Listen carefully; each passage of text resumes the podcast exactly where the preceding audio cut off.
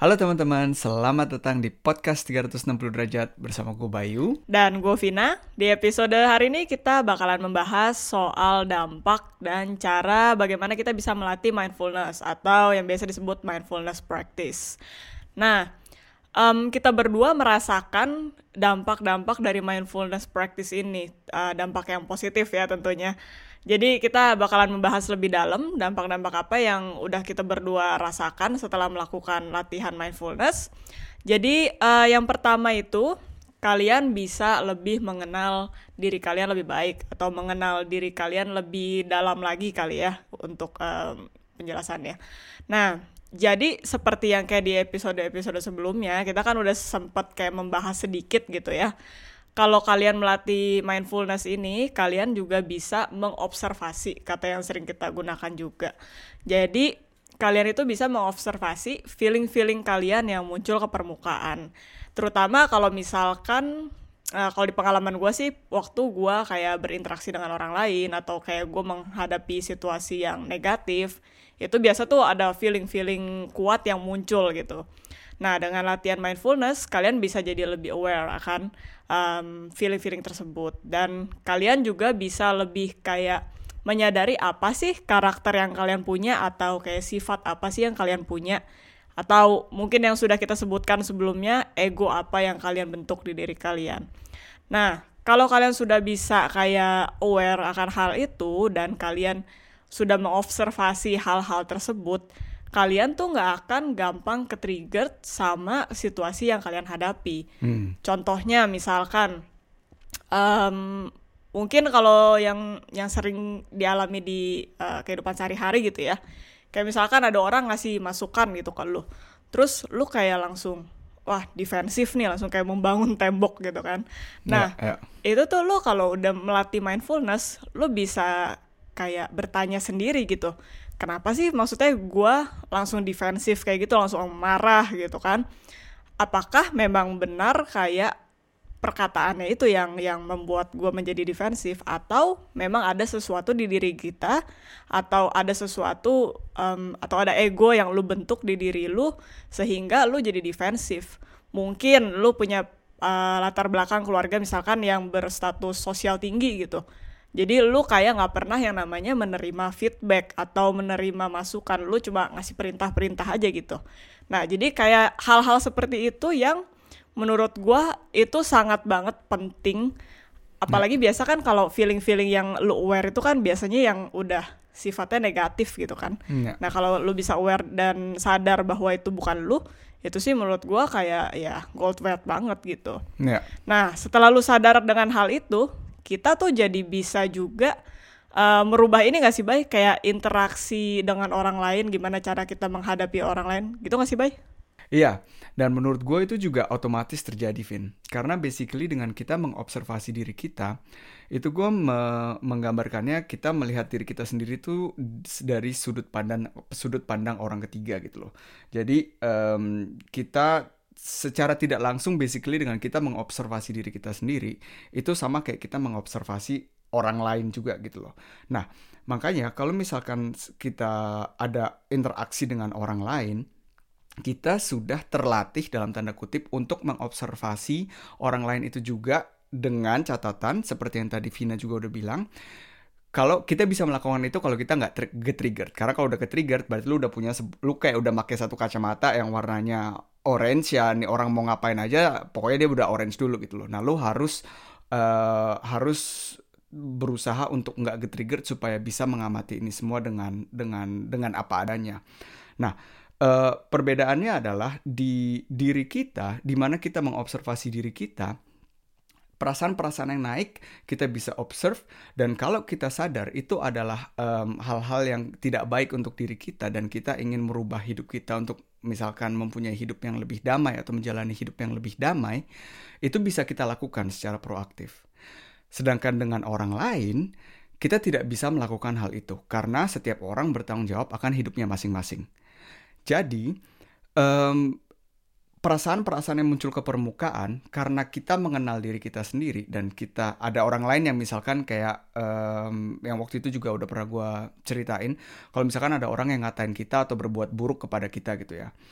Dengan tadi yang tadi Vina udah bilang kita nggak get-triggered, kita bisa mengamati orang ini dengan apa adanya dan kita ngelihat oh ini orang itu tuh pasti ada sesuatu hal yang tidak baik gitu loh di dalam dirinya gitu loh. Apakah dia sadar atau tidak sadar akan itu itu pertanyaan yang lain.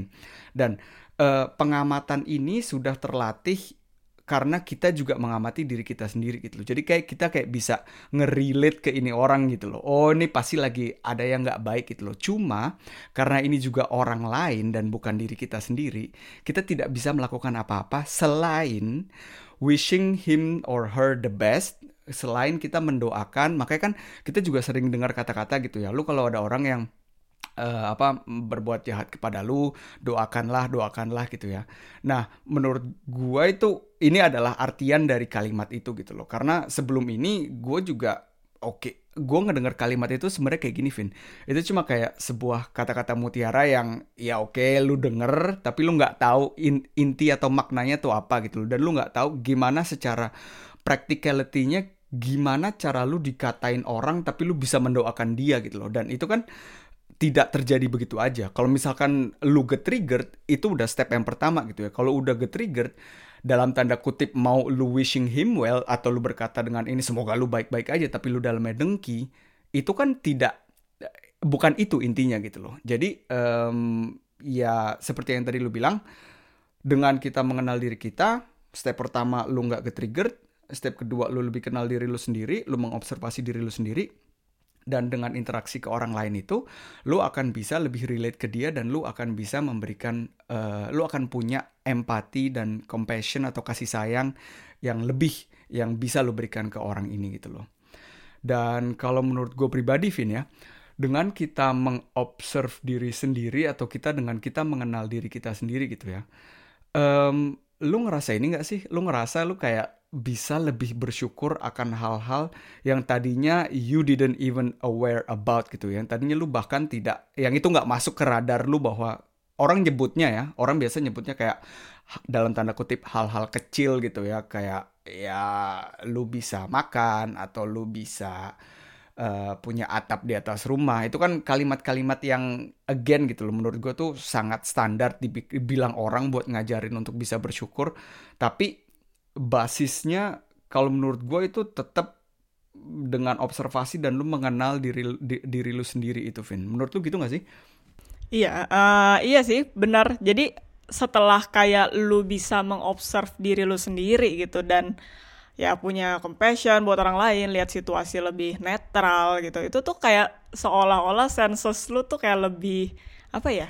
Lu jadi orang yang lebih sensitif untuk hal-hal kecil sih. Yeah kayak hmm, kalau misalkan lu melihat situasi gitu ya secara netral or lu lihat orang tidak judgmental lu tuh jadi bisa juga melihat even hal terkecil yang bisa lu pelajari dari suatu situasi negatif gitu dan um, itu juga makanya kan ya lagi-lagi promosi ini kita sendiri ya judul podcast yeah, 360 yeah, yeah. derajat jadi ya selalu lihat itu mengelilingi situasi tersebut kan yeah.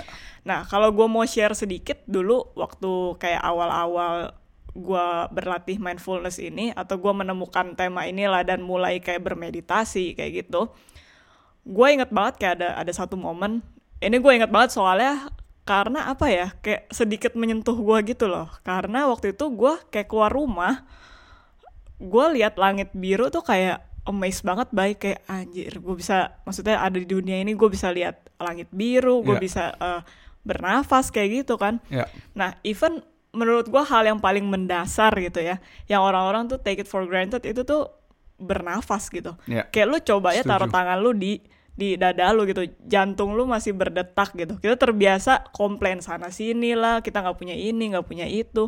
Nah kalau jantung lu nggak berdetak lu bisa komplain. Yeah. nah itu loh yang yang kayak menurut gua kayak um, lu bisa hidup aja itu tuh di dunia ini udah suatu hal yang luar biasa gitu. Cuma kita terdistract sama banyak hal, opini, ekspektasi masyarakat. Jadinya kita juga kadang-kadang tuh lupa bersyukur apa yang kita punya. Kayak yang tadi lu bilang gitu yang kayak lu masih punya atap di atas kepala lu lu masih bisa makan tiap hari yang kayak gitu-gitu. Ya, ya gitu sih menurut gua.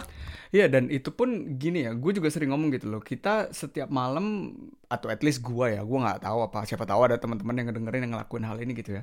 Tapi gue setiap malam juga tidak mem, tidak memberikan komando secara sadar atau tidak berharap atau ngingetin jantung gue buat tetap berdetak gitu ya tapi God Zaidang uh, itu masih tetap berdetak sampai hari ini juga gitu ya jadi itu hal-hal kayak gitu yang yang gak ada di radar kita gitu loh. Dan tadi lu bilang Vin bahwa itu juga karena uh, masyarakat luar atau karena dorongan dari lingkungan gitu ya. Um, itu adalah sebuah faktor, tapi si intinya itu tetap kayak gini Vin. Intinya adalah um, lu untuk bisa bersyukur gitu ya untuk for taking for not taking things for granted itu tuh terdengar gampang terdengar simple tapi itu susah Vin karena bukan hanya banyak faktor eksternal yang mm, berperan juga dalam hari ini gitu ya. Tapi at the end of the day itu setiap individu itu bertanggung jawab akan uh, perspektifnya atau hidupnya sendiri-sendiri. So jadi kayak gini um, kalau lu dalamnya, kalau lu selalu terperangkap di masa lalu atau di masa depan dan lu tidak berada di momen tidak memberikan atensi 100% ke momen yang ada saat ini, tentu saja kita tidak aware akan hal-hal seperti itu. Contoh, waktu lu keluar dari rumah dan lu ngeliat langit, Vin, menurut gua ya, yang terjadi adalah biasa lu keluar ya pikiran lu udah ada lu pengen ke mana, lu udah mikirin hal-hal selanjutnya atau lu mikirin apa yang terjadi uh, sebelum lu keluar rumah or whatever it is gitu ya. Tapi begitu lu keluar dan basically lu ada di momen itu, lu memberikan atensi kepada momen saat itu juga gitu loh, here and now, itu akan terjadi uh, apa ya kayak kesadaran gitu Vin gue pernah uh, apa yang lu rasain itu pernah gue dapetin dalam ngeliat pohon. Waktu itu gue keluar rumah gue ke park gue ke park duduk dan gue emang sengaja waktu itu juga pengen latihan untuk apa namanya untuk berada di sini untuk kayak uh, bermeditasi atau melatih mindfulness gue yang kita juga bakalan ke topik itu nanti abis ini. Uh, gimana cara melatih mindfulness? Itu gue di situ dan gue berusaha untuk berada di momen itu juga gitu loh. Jadi tidak ada tidak lari ke masa lalu dan tidak lari ke masa depan tentunya seperti yang gue expect pikiran-pikiran naik dong pikiran-pikiran naik dong. Oh iya nih, lu ngapain duduk di sini aja gitu loh. Lu wasting time, lu tidak uh, ber tidak melakukan sesuatu, tidak produktif whatever it is gitu ya. Tapi somehow ada satu momen di mana gue udah sering ke taman itu tuh gue udah sering gitu loh tapi satu pohon di mana gue juga sering latihan di situ gitu ya itu pohon somehow at that moment tuh jauh lebih indah daripada biasanya. Dan again Vin gue cukup yakin kalau buat temen-temen yang ngedenger gini orang ngapain sih berdua? Satu ngomongin langit satu ngomongin pohon gitu kan. Um, ini adalah satu contoh di mana um, gua atau kita bisa uh, ajak teman-teman untuk melatih mindfulness ini karena pengalaman eh, pengalaman-pengalaman kayak gini itu nggak bisa nggak bisa diceritain. Tapi lu harus lu harus ngejalanin itu dan lu harus ngerasain itu dengan bukan cuma dengan mata kepala lu sendiri tapi dengan mata kepala hati dan semua senses yang lu punya itu lu harus rasain dan lu baru ngeh gitu loh apa yang uh, apa yang kita coba describe di sini gitu. Mungkin gitu kali ya. Hmm, hmm, hmm. Ya itu mungkin gue ingat sedikit kayak ada satu uh, perkataan gitu gue lupa sih siapa yang bilang. Cuma dia bilang kita ini di di era ya ya bukan cuma dia mungkin sampai saat ini ya kita itu sebagai manusia kita itu jadi menyebut diri kita itu sering kali sebagai human doing bukan human being karena kita jadi sama kayak yang tadi lu bilang kita terlalu sibuk mikirin apa yang akan kita lakukan gitu terlalu banyak worriesnya gitu Yeah. makanya ya mungkin sekarang banyak kayak istilah anxious atau anxiety or apa kayak gitulah Ya. jadi ya memang berada di present moment atau saat ini itu ya luar biasa banget sih efeknya dan mungkin akan terasa kalau kalian benar-benar coba nantinya yang akan kita jelaskan juga dengan cara gimana sih melatih mindfulness uh, ini sendiri gitu. Ya. Kenapa Bay? Ada yang mau ditambahin? Eh, iya, iya itu em, hebat. Lu bisa tahu gue mau nambahin sesuatu. Eh, ini apa namanya? Karena udah narik nafas.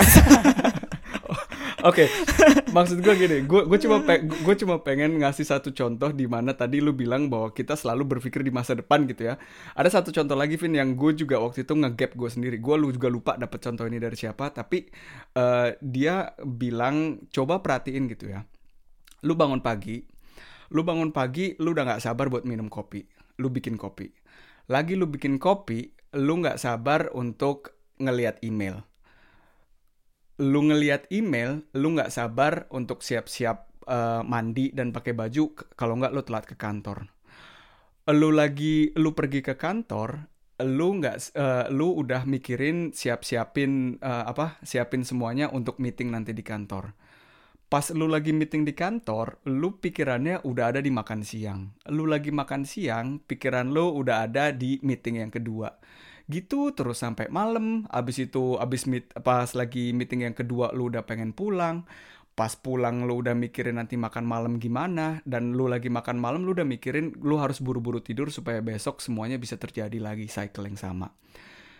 Gua ngegap diri gua ngelakuin itu Vin. Bener-bener anjing waktu gua waktu gua ngegap diri gua gitu ya ternyata gue memang tidak pernah bukan tidak pernah ya tidak pernah itu terlalu ekstrim gitu ya ternyata gue memang punya tendens untuk selalu one step ahead ngerti nggak lo yang tadinya gue pikir Vin itu adalah em, sebuah hal yang positif gitu loh karena lo mempersiapkan mempersiapkan hal yang akan datang gitu ya. Tapi begitu gue mendapat pengertian tentang here and now bahwa lu ada hidup di momen ini dan inilah satu-satunya kenyataan yang ada em, ya ternyata sayang kalau hidup kayak gitu Vin. Itu basically lu nggak pernah lu nggak pernah menikmati dan lu nggak pernah bersyukur akan apa yang lu punya saat ini juga gitu loh. Gitu sih itu doang sih yang pengen gue tambahin itu barusan si yang yang kayak tadi lu jelasin itu itu contoh dari Joe Dispenza by seingat gua. Joe Jadi yang Dispenza ya? soal Ya, kayak ya, ya. eh, iya iya ha, ha, seingat gua dia. Nah, itu eh sebenarnya itu bisa membawa kita ke dampak berikutnya baik contoh yang lu kasih tadi itu. Jadi kita merasakan banget juga kalau dari mindfulness practice ini kita jadi bisa lebih fokus gitu. Nah, em, kayak yang tadi lu bilang kan kita suka mikir lebih kayak one step ahead di depan uh, momen saat ini kan. Gue juga merasakan banget sih kayak em, dengan mindfulness practice ini gue meningkatkan fokus gue banget uh, di kehidupan sehari-hari gitu. Eh, ya kalau misalkan em, kalian gitu ya yang katanya sekarang di era milenial gitu kan. Ya, ya, semuanya ya. serba rapid gitu kan. Info gampang didapetin info masuk ke kepala kita juga tuh kayak cepet banget gitu kan. Ya. Nah em, itu salah satu distraksi juga kenapa kita susah banget fokus. Dan kita juga sering banget kayak dimasukin em, apa ya perkataan bahwa lu tuh seharusnya bisa multitask gitu. Multitasking itu tuh seolah-olah jadi suatu kualitas yang yang lu harus punya gitu di di dalam hidup yang serba cepat ini gitu. ya Padahal eh, sebenarnya itu di sains juga terbukti bahwa nggak ada yang namanya multitasking. Kita itu cuma membagi atensi kita dari satu hal ke hal yang lain dengan sangat cepat gitu kan.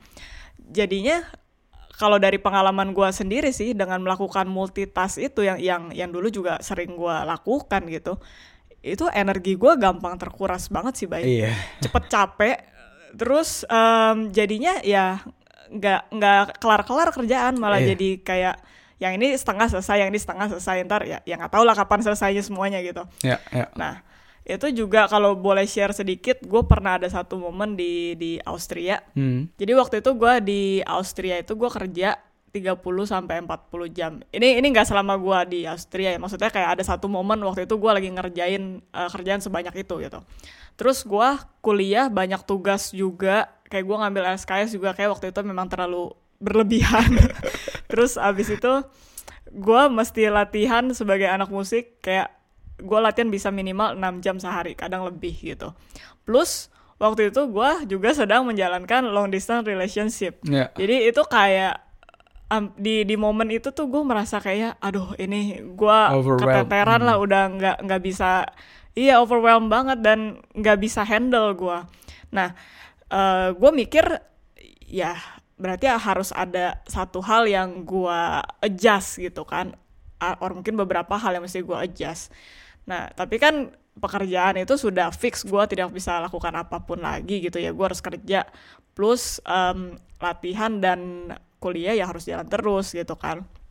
Akhirnya gue memutuskan waktu itu uh, gue merubah cara gue berkomunikasi waktu gue LDR itu. Jadi kan lo tau lah tipikal orang Indo ya um, chatting all the time gitu Yeah, kan. yeah, yeah, yeah. Uh, dikit-dikit tiap menit chatting gitu kan. Nah terus akhirnya gue bilang waktu itu ke pasangan gue kayak ah ini uh, udah nggak ke handle nih gitu kan. Gue jadi gak fokus balas chatting gue baca chat juga sekadarnya gitu kan karena sambil ngerjain yang lain.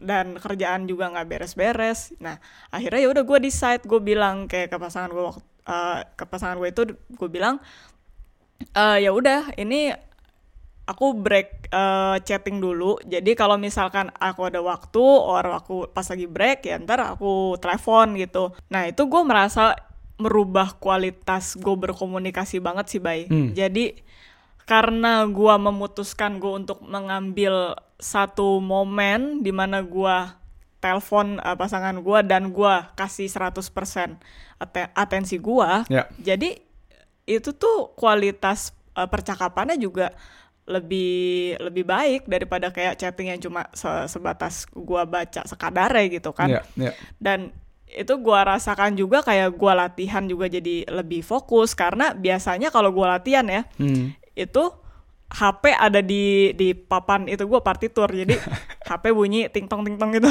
notifikasi kan terus kalau kalau gua gua maksudnya ingat momen itu gua selalu ingat juga eh, si Danda Pani lu tau gak sih eh, motivational speaker juga dia sekarang kayak Tahu tahu dan dapat nih tahu. Hmm. dia selalu ya ya dia dia selalu bilang kan kalau misalkan manusia zaman sekarang itu kalau misalkan HP-nya bunyi gitu ya ada notifikasi eh, seakan-akan tuh manusia bilang oke master how can I serve you today gitu.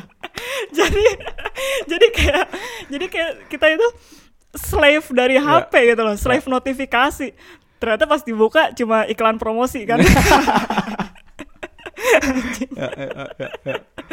terus ya ya itu sih. Jadi yang yang gue rasakan eh, setelah kayak bermeditasi dan seri- melatih kayak mindfulness ini gue merasakan kualitas dalam mengerjakan satu hal itu lebih baik. Dan gue juga nggak bilang em, multitasking itu ya ya udahlah jangan dilakukan gitu.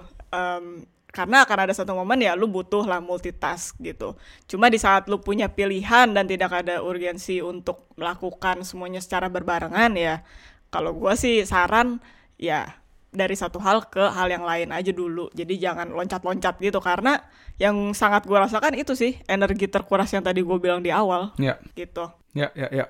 Itu gue setuju, Vin. Gue juga, gue juga sering banget ngegap diri gue. Anjir, sebenarnya kita kita bikin podcast kayak gini berapa kali gue ngomong gue udah ngegap diri gue ya gue sering sih Vin ngegap diri ngegap diri gue sendiri anjir Nah itu kan berarti lu udah aware, lu udah mindful bay berarti.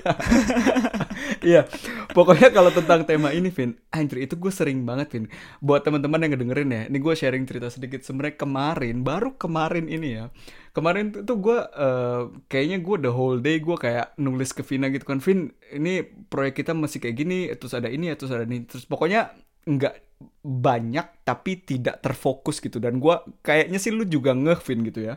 Sampai gue at the end of the day gue bilang sama Vina Vin gue ngegap diri gue bahwa basically yang gue lakuin kemarin itu tuh kayak gue doing a lot of stuffs karena gue ngerasa oh gue nggak punya waktu banyak gitu ya. At the end of the day Vin yang gue lakuin tuh sebenarnya tuh cuma switching fokus dari A ke B doang. Tapi nggak ada yang bener-bener get done gitu. Ngerti nggak lo nah terus hmm. kemarin lu nulis satu kata doang nih. Nih teman-teman Vina emang kayak gini nih. Dia kalau ngingetin orang tuh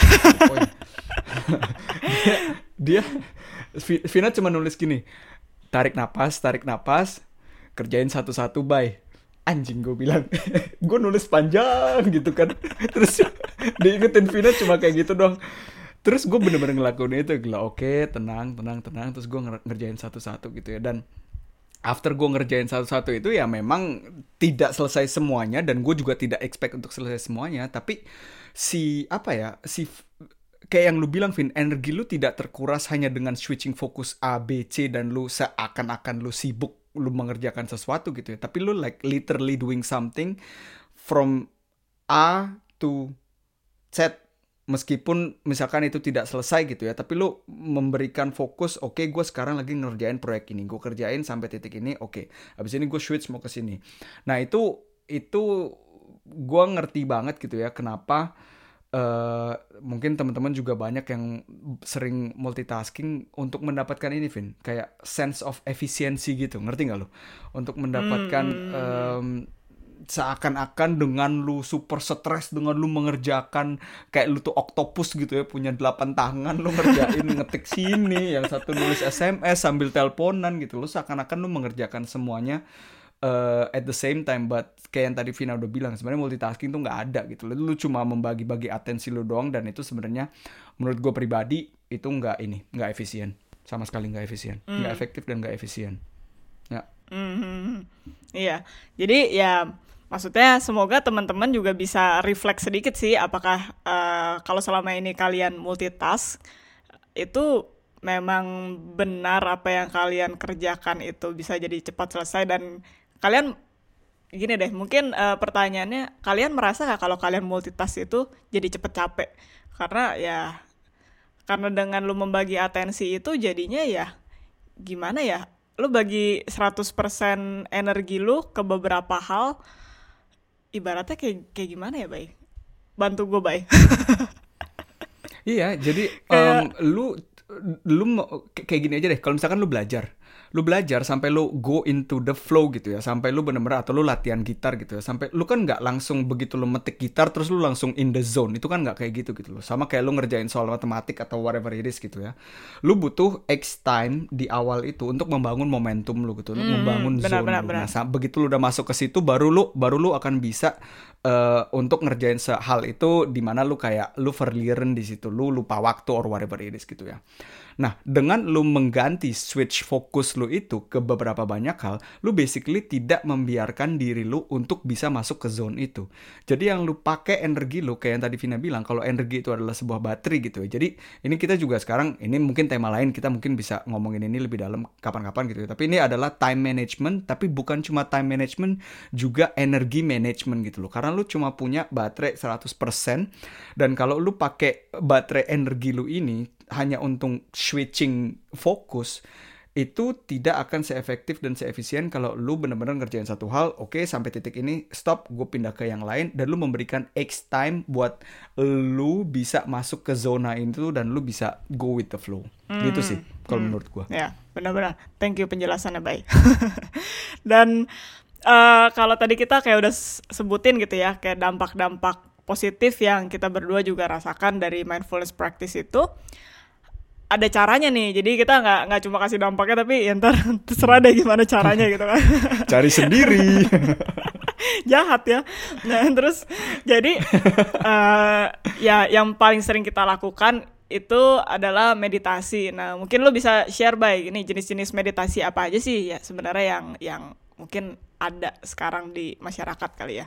Hmm Um, jadi kita pakai begriffnya, pakai katanya adalah cara cara melatih mindfulness ya. Cara melatih mindfulness kita bikin kategori ke tiga kategori, um, yaitu ada seated meditation atau meditasi uh, duduk, atau ada uh, yang kedua itu ada walking meditation itu meditasi di saat lu berjalan, dan yang ketiga itu meditasi saat lu beraktivitas sehari-hari uh, gue bakal ngejelasin ini dari yang paling gimana ya yang paling bukan yang paling gampang tapi uh, yang paling umum atau yang paling baik menurut pendapat gue dan mungkin pendapat lu juga gitu Vin ya. Waktu kita ngobrolin lu juga setuju akan hal ini.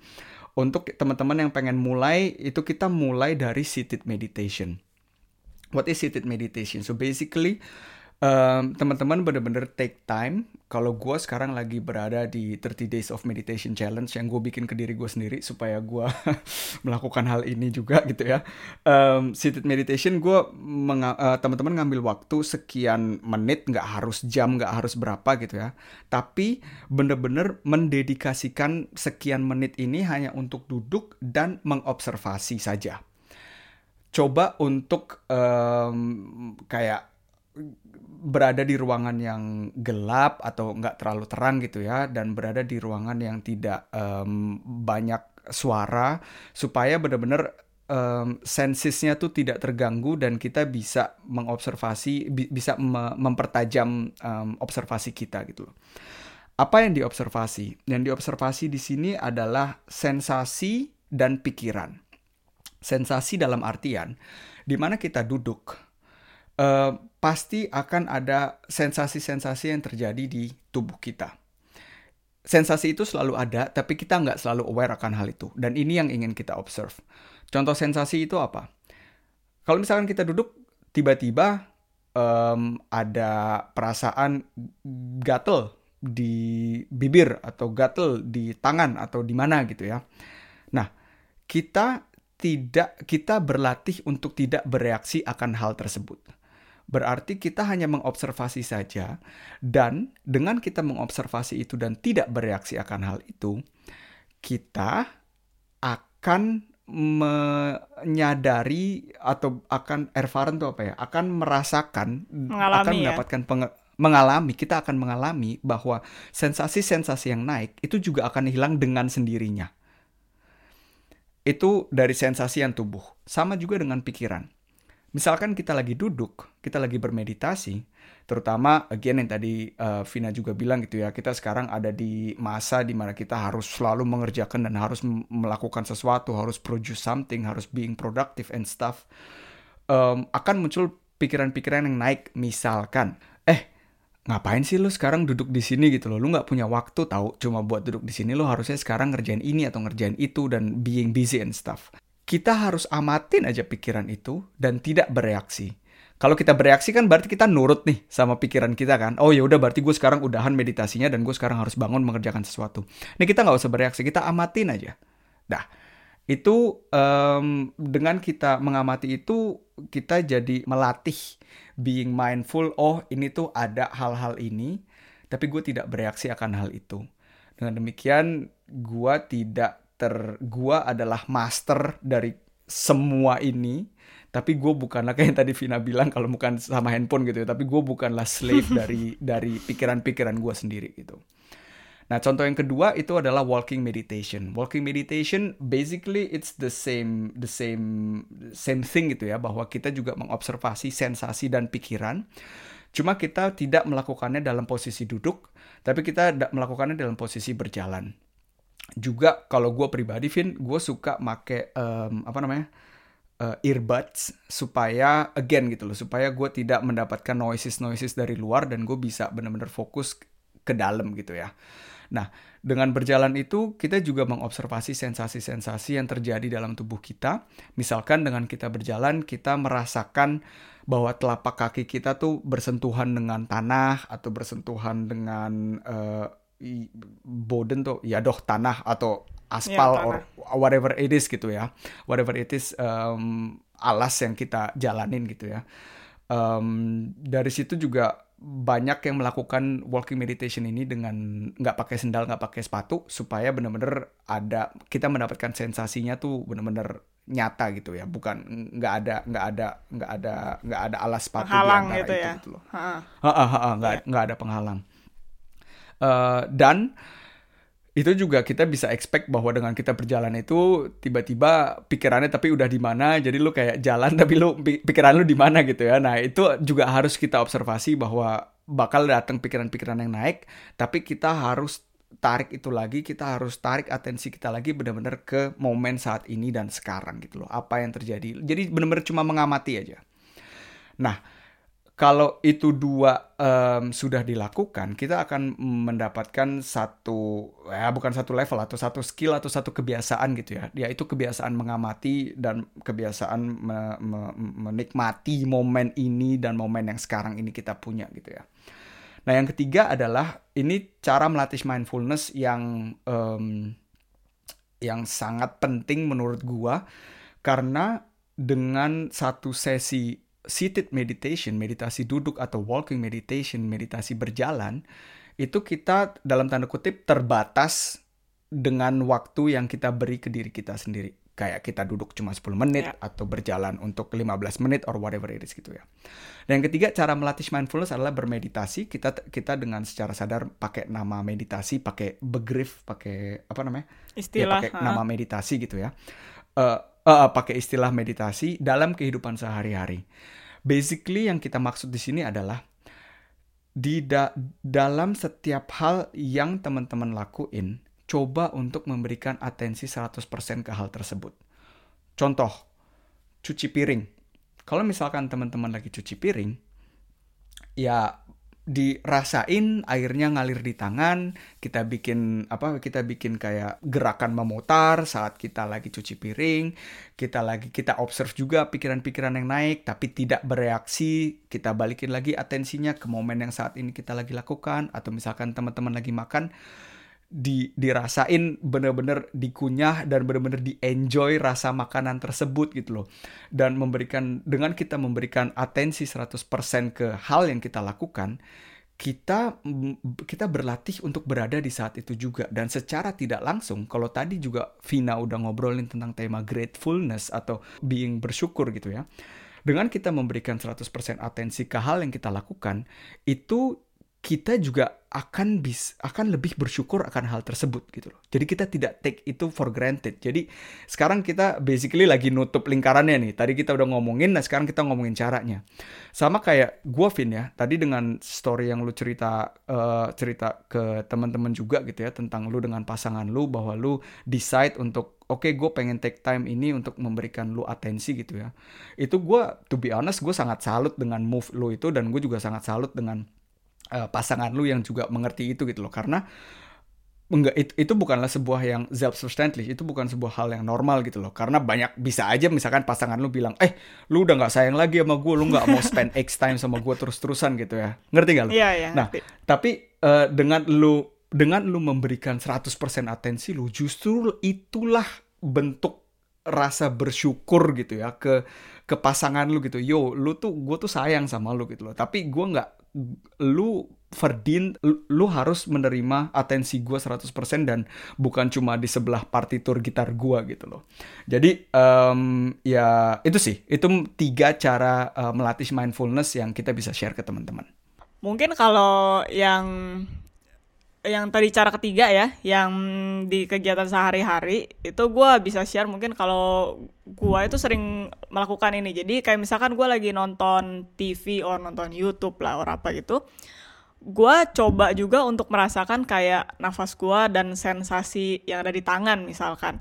Jadi gue setiap kali kayak ada pikiran yang lagi melayang-layang, gue bawa tarik kembali atensi gue ke saat gue menonton film itu atau menonton apalah itu gitu kan sama kayak misalkan kalian pernah gak sih kayak gini nih jadi baca buku gitu ya matanya gerak terus nih sampai paragraf terakhir nih terus sampai hmm. sampai kalimat terakhir kayak tadi tadi baca apa ya terus ngulang lagi kan apa yang tapi tadi gue baca sering ya? banget by dulu karena ya itu tadi gampang ke distract sama child span fokusnya tuh sangat uh, kecil gitu yeah.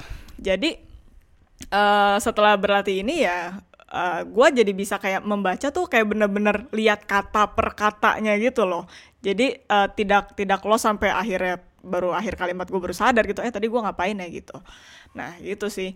Sama mungkin hmm, kalau gue gue pakai cara juga dari meditasi meditasi ini uh, dengan cara mencari juga guided meditation. Jadi mungkin buat temen-temen yang kayak baru gitu ya di dunia meditasi um, dan kayaknya bingung gitu harus uh, mulai dari mana gitu. Makanya gue suka pakai guided meditation di mana gue dengerin orang ngomong kasih arahan-arahan gitu. Karena buat gue sendiri sampai sekarang juga meditasi sendiri itu uh, agak masih agak kayak sulit gitu. Jadi gue perlu arahan supaya gue juga bisa tetap kembali ke momen yang ada gitu.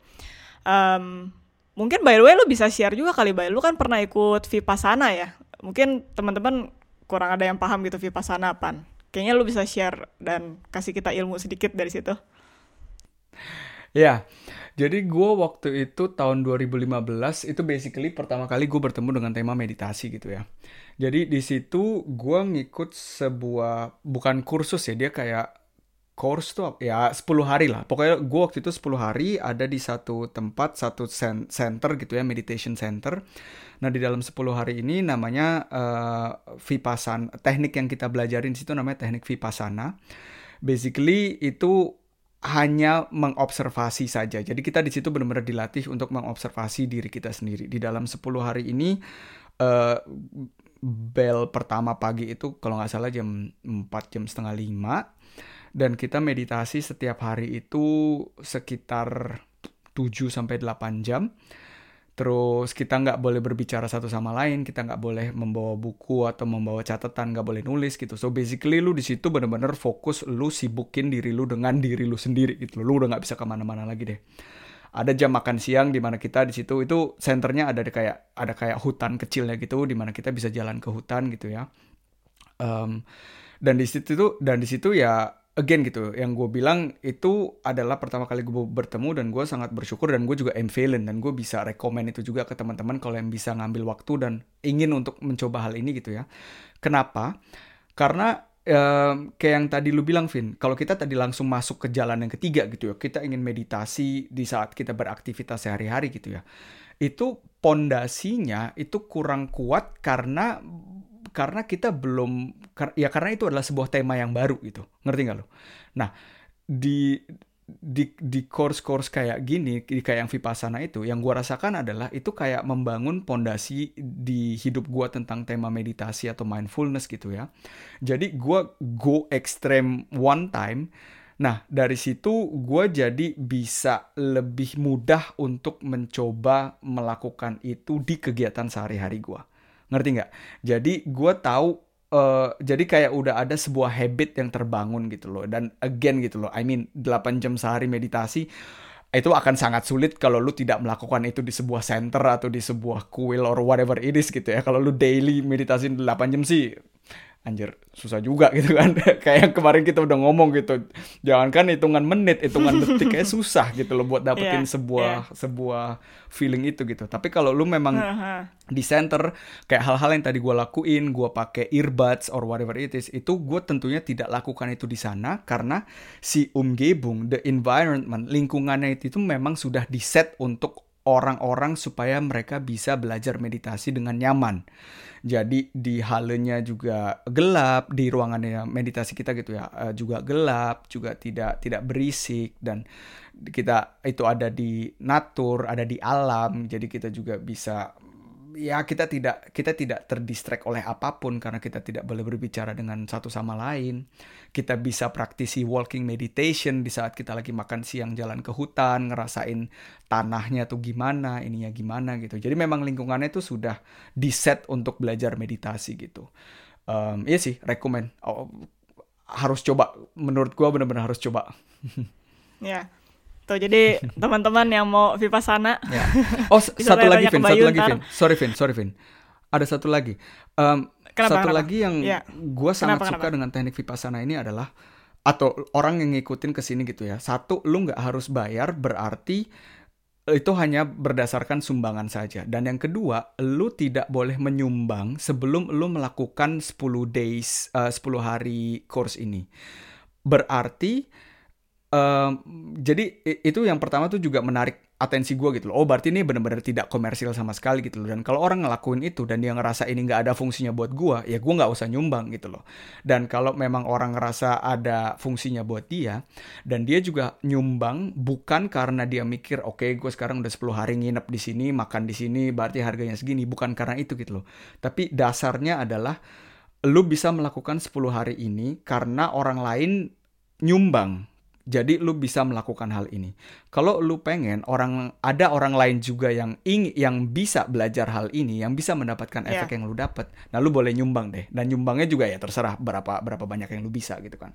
Nah, mungkin uh, kita juga harus kayak kasih pesan nih ke teman-teman. Jadi, meditasi ini kan memang hal yang baru ya. Jadi, kalau misalkan kalian masih struggle gitu di di awalnya, ya jangan nyerah gitu. Itu kayak yang dulu Bayu bilang, ini ya sama aja kayak ngelatih otot gitu kan. Kita nggak pernah mencoba yang namanya meditasi, pasti awal-awalnya kayak dulu yang gue rasakan juga itu ya pikiran ke mana-mana gitu. Duduk juga kayak aduh pegel sana sini gitu kan. Karena nggak biasa.